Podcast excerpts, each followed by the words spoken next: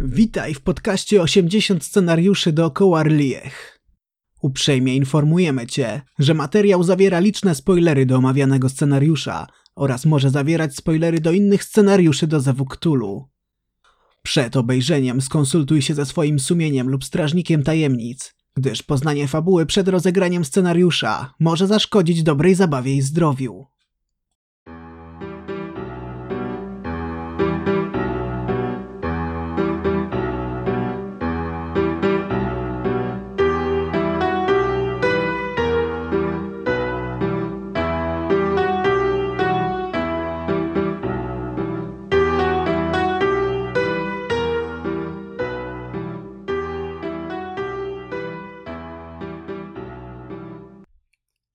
Scenariusz ósmy.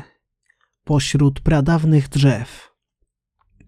Hej, z tej strony Onti. Witam Was w kolejnym odcinku podcastów 80 scenariuszy dookoła Reliech, czyli podcastu, który poświęcony jest temu, aby omówić wszystkie wydane w języku polskim scenariusze do siódmej edycji Zewu Cthulhu.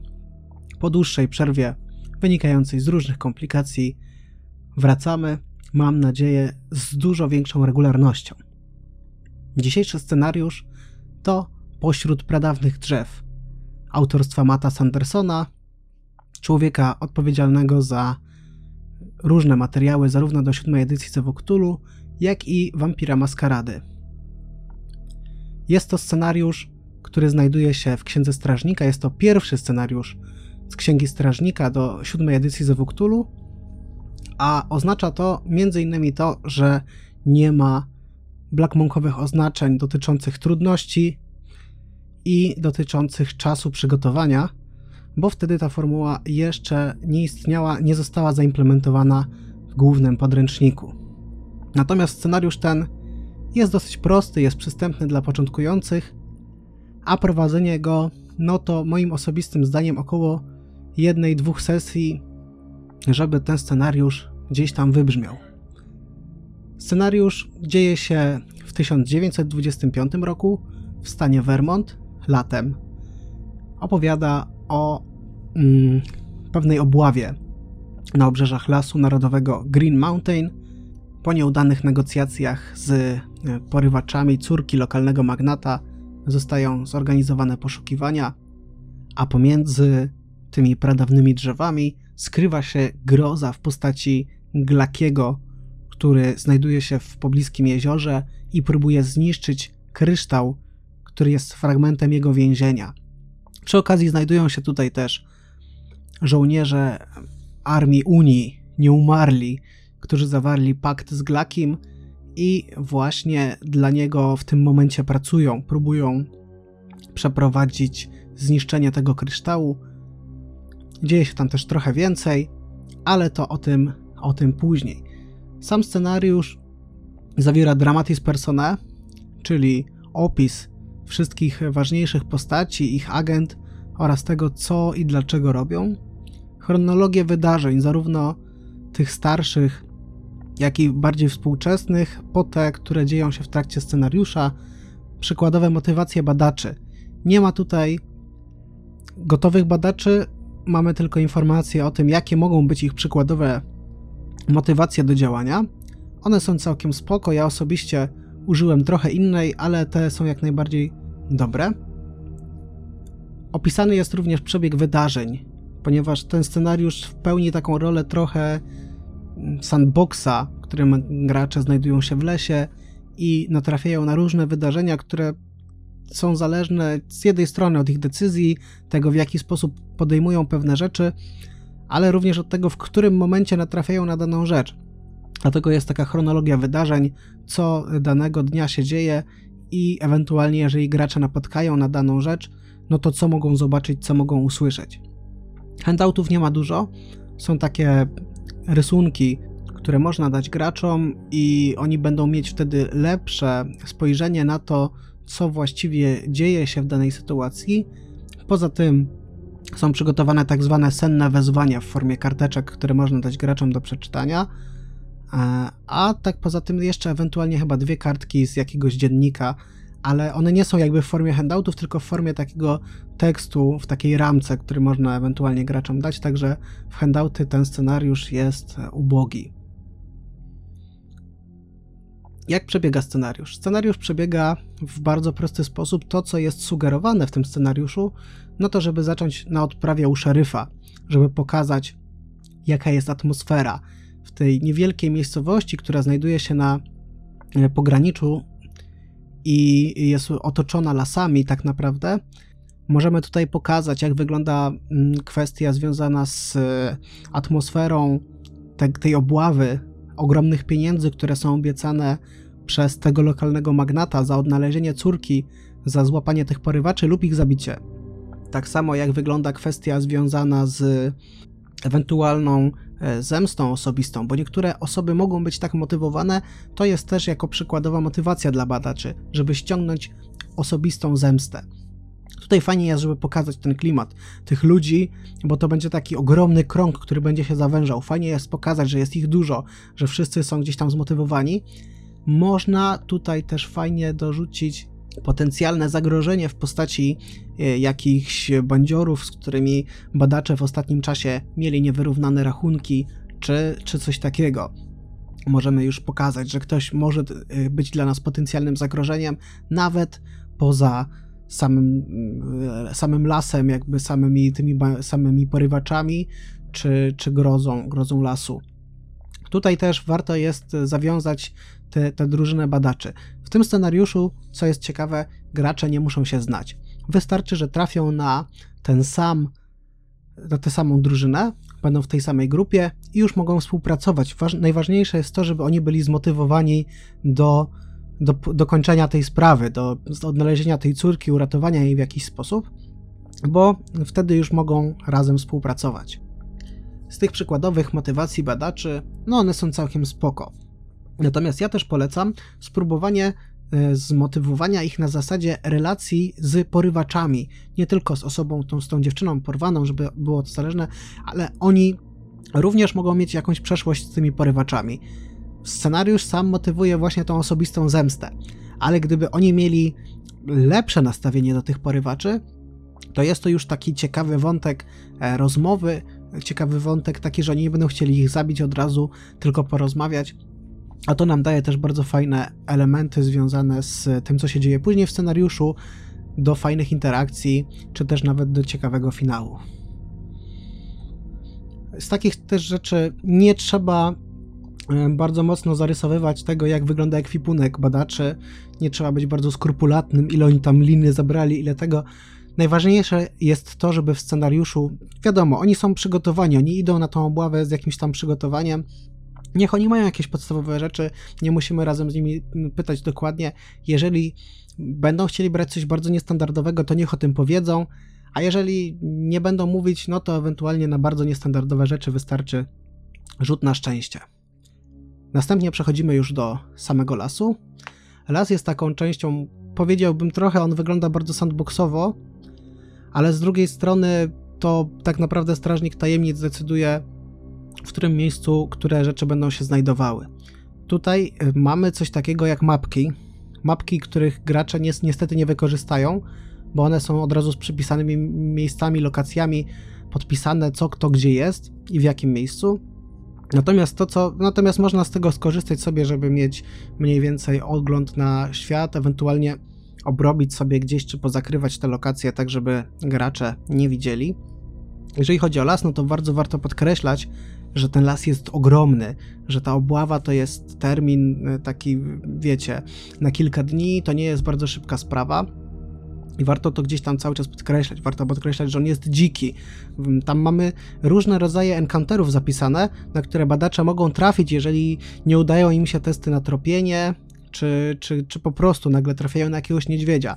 Oprócz tego mamy motyw tych artystów, mamy motyw myśliwych, mamy motyw tych porywaczy, którzy się znajdują warto jest grać tymi, tymi miejscami tak, żeby tymi encounterami, żeby tę grozę w jakiś sposób budować, ale też żeby nie przesadzić. Wiadomo, tutaj warto jest, żeby ten las jednak miał czasami takie poczucie takiej pustki, takiego szaleństwa, że coś tam, że coś tam trzasnęło, że, ale tam nikogo nie było. są bardzo fajne możliwości do zagrania w tym lesie. Można tutaj pokusić się o jakiś wątek indyjskich legend, czy o tych legend natomiast na, na temat dezerterów Armii Unii. Też jest bardzo fajny motyw, zwłaszcza, że ci żołnierze Armii Unii się tam później pojawiają w takiej formie nieumarłej. Tutaj też można, bo tak jak już wcześniej wspomniałem, ta obława dzieje się w takim okręgu, który się zawęża. I w miarę jak on się zawęża, można spróbować zagrać tym, że gracze spotkają innych członków obławy i mogą to być ci, którzy generują zagrożenie. Nagle mamy y, skoczenie jakiegoś napięcia, no bo pojawiło się to zagrożenie, trzeba przed kimś uciekać, ktoś, kto nawet nie jest porywaczem ani dzikim zwierzęciem. Można sprawić, że ci inni członkowie ekspedycji, tej obławy, natrafili, natrafili sami na jakieś zagrożenie, czy właśnie na tych żołnierzy Unii, czy może na krwawe ślady, czy może oni sami oszaleli. Bo trzeba podkreślić, że badacze w trakcie trwania scenariusza będą otrzymywać te senne wezwania, będą słyszeć krzyki i tak dalej, i tak. No i przecież inni członkowie obławy mają to samo. Oni też będą słyszeć te senne wezwania. Oni również będą pod stresem, więc fajnie, żeby zagrać na tym stresie, żeby go podkreślić, że on gdzieś w tym lesie się znajduje. Później, kiedy pojawiają się ci porywacze, kiedy gracze są już na bardzo wysokim etapie tego śledztwa, warto jest, żeby, żeby to wybrzmiało, żeby ci porywacze też byli w, jak, w jakiś sposób emocjonalnie wytworzeni, żeby nie tylko po prostu chciało się ich zabić, porozmawiać, ale też ewentualnie im pomóc, czy tego typu rzeczy. Fajnie, żeby oni też jakiś taki emocjonalny wydźwięk e, tej grozie, temu czemuś, co jest w lesie, żeby oni coś podali do tego scenariusza. W tym etapie, w którym gracze są w lesie, jeszcze nie są bezpośrednio przy finale, fajnie jest również zagrać tym, mm, żeby te elementy, które się pojawiają, czyli ci artyści, czy ci porywacze, czy to, co gdzieś tam się dzieje, te legendy, te senne wyzwania, czy ci ludzie, którzy się wcześniej pojawiali, żeby oni mieli okazję też pojawić się gdzieś tam w finale. Czy to jakaś myśl, czy to jakiś właśnie element, żeby oni powrócili w taki sposób, który faktycznie wybrzmiewa. Żeby badacze poczuli, że to, co przechodzili przez scenariusz, w jakiś sposób przygotowywało ich do tego finału. Mamy tutaj też ten motyw związany z ciężarówką, która, bo tam tak naprawdę finał dzieje się w na takim wykopie i tam też pracują normalnie ludzie, a przynajmniej pracowali ludzie, obecnie są w formie tych nieumarłych sług Glakiego. I oni też są takim połowicznie normalnym, oni tam niby się właśnie gdzieś prze, przejawiają i fajnie jest, żeby chociaż było słychać, czy tą ciężarówkę, że ona gdzieś tam jedzie, czy te światła, jak ten kryształ, gdzieś tam widać są te eksplozje. Żeby to gdzieś tam powracało, żeby faktycznie gracze czuli, że w jakąś stronę idą. I tu mamy bardzo duże pole pole do klimatu. Są takie dwa miejsca bardzo, bardzo klimatyczne, w zasadzie trzy, bo ten, ten element związany z artystami również jest bardzo klimatyczny, ponieważ artyści rysowali to, co mieli w sennych wezwaniach, co pokrywa się z cennymi wezwaniami dla graczy. I tutaj też można zbudować tę atmosferę niepokoju, to jest bardzo fajny moment. Ale te dwa kolejne elementy, no to oczywiście jest chata, mm, chata tych porywaczy, której się okazuje, że sprawa nie dochodzi do samego końca, ponieważ mamy to rozczarowanie. Fajnie, żeby ta scena naprawdę była mocna, bo jeżeli oni mają emocjonalne powiązania z porywaczami, no to, to na pewno ta scena wybrzmi. Natomiast jeżeli mają powiązania emocjonalne z porwaną dziewczyną, to ta scena też bardzo fajnie wybrzmi. Natomiast jeżeli oni, im zależy tylko na pieniądzach, no to fajnie, żeby oni mieli tutaj odpowiednio zbudowaną tę scenę, żeby to rozczarowanie gdzieś tam, gdzieś tam było dosyć silne. I tutaj też taka uwaga, bo jeżeli dobrze pamiętam, to pieniądze znajdują się w tej chacie, więc fajnie jest tak zagrać, żeby oni dalej byli zmotywowani do doprowadzenia śledztwa do końca, a nie w momencie, w którym okazuje się, że ktoś tam zginął, porwana została porwana gdzieś tam dalej i oni teraz mogą teoretycznie uciekać Fajnie jest, żeby ta motywacja gdzieś tam, gdzieś tam u nich została. Być może ktoś zabrał pieniądze, być może za tą dziewczynę jest dużo więcej pieniędzy niż oni dostali okupu. Można spróbować zagrać na różne sposoby, fajnie, żeby ta motywacja gdzieś tam pozostała. Trzecim miejscem, które przed finałem jest niezwykle klimatyczne, no to chata, w której znajdują się ci nieumarli. Ona ma też, te, ona jest związana również z tymi sennymi wyzwaniami, którymi można zagrać i fajnie jest zagrać, żeby potem właśnie te senne wezwania nagle mogły wybrzmieć. Natomiast tutaj też fajnie, żeby graczom podesłać taką wątpliwość moralną, bo mamy kwestię związaną z nieśmiertelnością. To jest taki motyw, który czasami się pojawia w niektórych scenariuszach i fajnie jest nim zagrać, żeby zaproponować graczom, że oni też mogą być nieśmiertelni, że oni mogą przyjąć jakąś formę sług, ale w zamian za to otrzymają życie wieczne. Można spróbować jeszcze tym zagrać wcześniej w ramach, w ramach motywacji, kiedy gracze tworzą postaci i można im zasunąć, że taki motyw jest ciekawy, bo może fajnie później wybrzmieć. Fajnie wtedy tą chatą możemy sobie pograć, bo też jest opisane w scenariuszu, że ci nieumarli żołnierze Unii, oni będą próbowali namówić badaczy na to, co to oferuje. Oni, oni na początku nie będą agresywni. Tutaj też można zagrać ewentualnie jakąś formą rodzinną, czyli możemy nasunąć, że jeden z tych dezerterów jest powiązany rodzinnie z jakimś badaczem i można zagrać takim wątkiem, żeby ewentualnie to też było w jakiś sposób kolorowe. Ta scena wtedy naprawdę fajnie wybrzmi. Jeżeli chodzi o finał, no to on jest zakładany jako mm, ten, ta kwestia nad jeziorem, czyli pod, gracze podchodzą pod to jeziora, pod te wykopaliska, no i tam w, e, scenariusz zakłada, że można to zrobić na kilka sposobów. Można zrobić to sposobem takim głośnym, można po cichu wejść, w zależności od tego, co się zrobi, w którym momencie, no to zobaczy się różne rzeczy. Tutaj można fajnie też zagrać kwestią tych artystów na, na, na palach, którzy są martwi albo półmartwi, albo błagają o śmierć. Jest to naprawdę, jest naprawdę fajna scena. Jeżeli ci artyści gdzieś tam się wcześniej pojawili, czy to jako wzmianka, czy to jako faktycznie gracze odwiedzili pole tych artystów, no to możemy tę scenę, zwłaszcza jeżeli oni byli już u tych nieumarłych, nieumarłych żołnierzy Unii, to możemy fajnie też zagrać sobie taką sceną.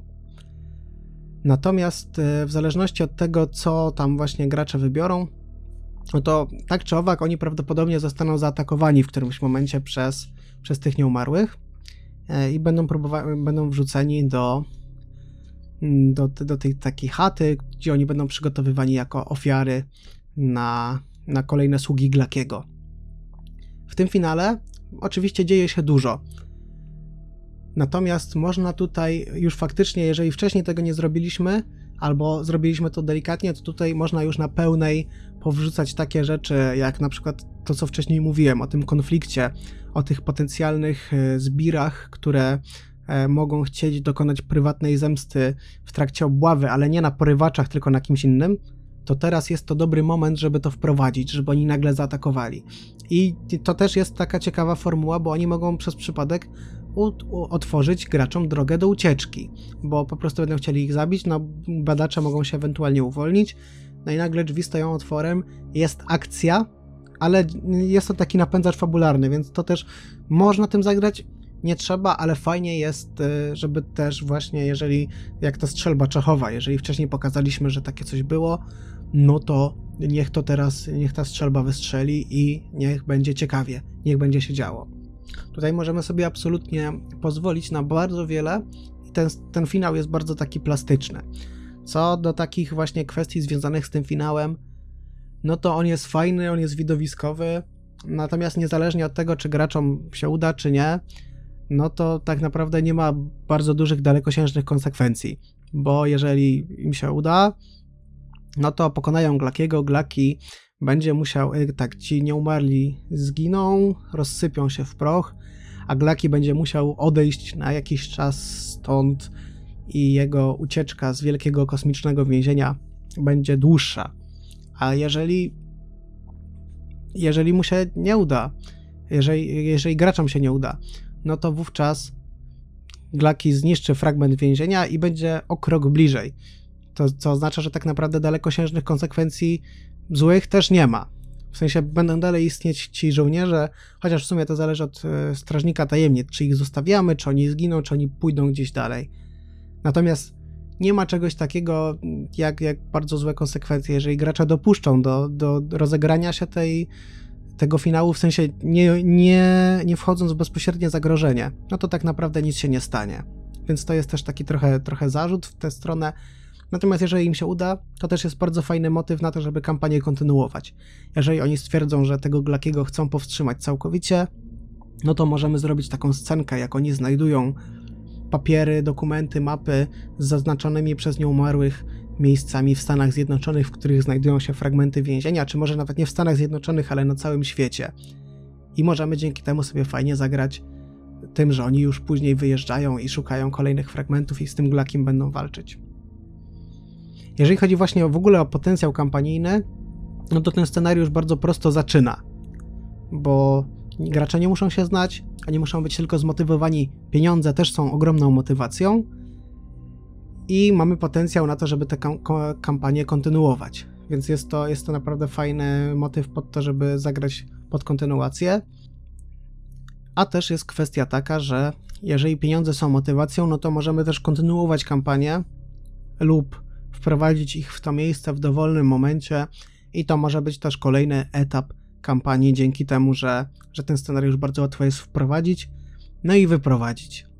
Także spokojnie można to grać jako jednostrzałową, tam dwustrzałową przygodę, ale również kampanię. No i podsumowując, scenariusz jest przyjazny dla początkujących, ma dużo takich e, informacji i jest dosyć prosty w prowadzeniu dzięki tej luźnej strukturze, gdzie gracze przechodzą przez las i to, co my im rzucimy, to nie dostają. Z drugiej strony jest to taki trochę zarzut, bo tak naprawdę gracze nie mają dużego wpływu na to, co się będzie działo, bo to i tak strażnik tajemnic wrzuca te elementy na nich, ale scenariusz jest klimatyczny, jest ta, ta fajna klimatyczna obława w prastarym lesie. Możemy tutaj bardzo plastycznie działać z właśnie różnymi legendami, z różnymi zwierzętami, które też mogą atakować, ale mogą też się bać. Mamy tych członków obławy, którzy mogą być potencjalnym zagrożeniem. Porywaczy, którzy mogą nie być tak banalni, jak na początku byli opisani. Ciekawy motyw porwania. Fajnie, że pojawia się taka istota jak Glaki, bo jest to na pewno interesujące, zwłaszcza z tymi żołnierzami Unii. E, trochę takiej fajnej historii można dzięki temu liznąć, jeżeli chodzi o mity Cthulhu.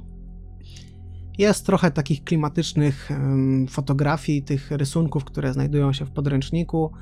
No oprócz tego mapki, które są tylko dla strażnika tajemnic, e, bo, bo tak jak już wcześniej wspomniałem, one są całe poprzypisywane.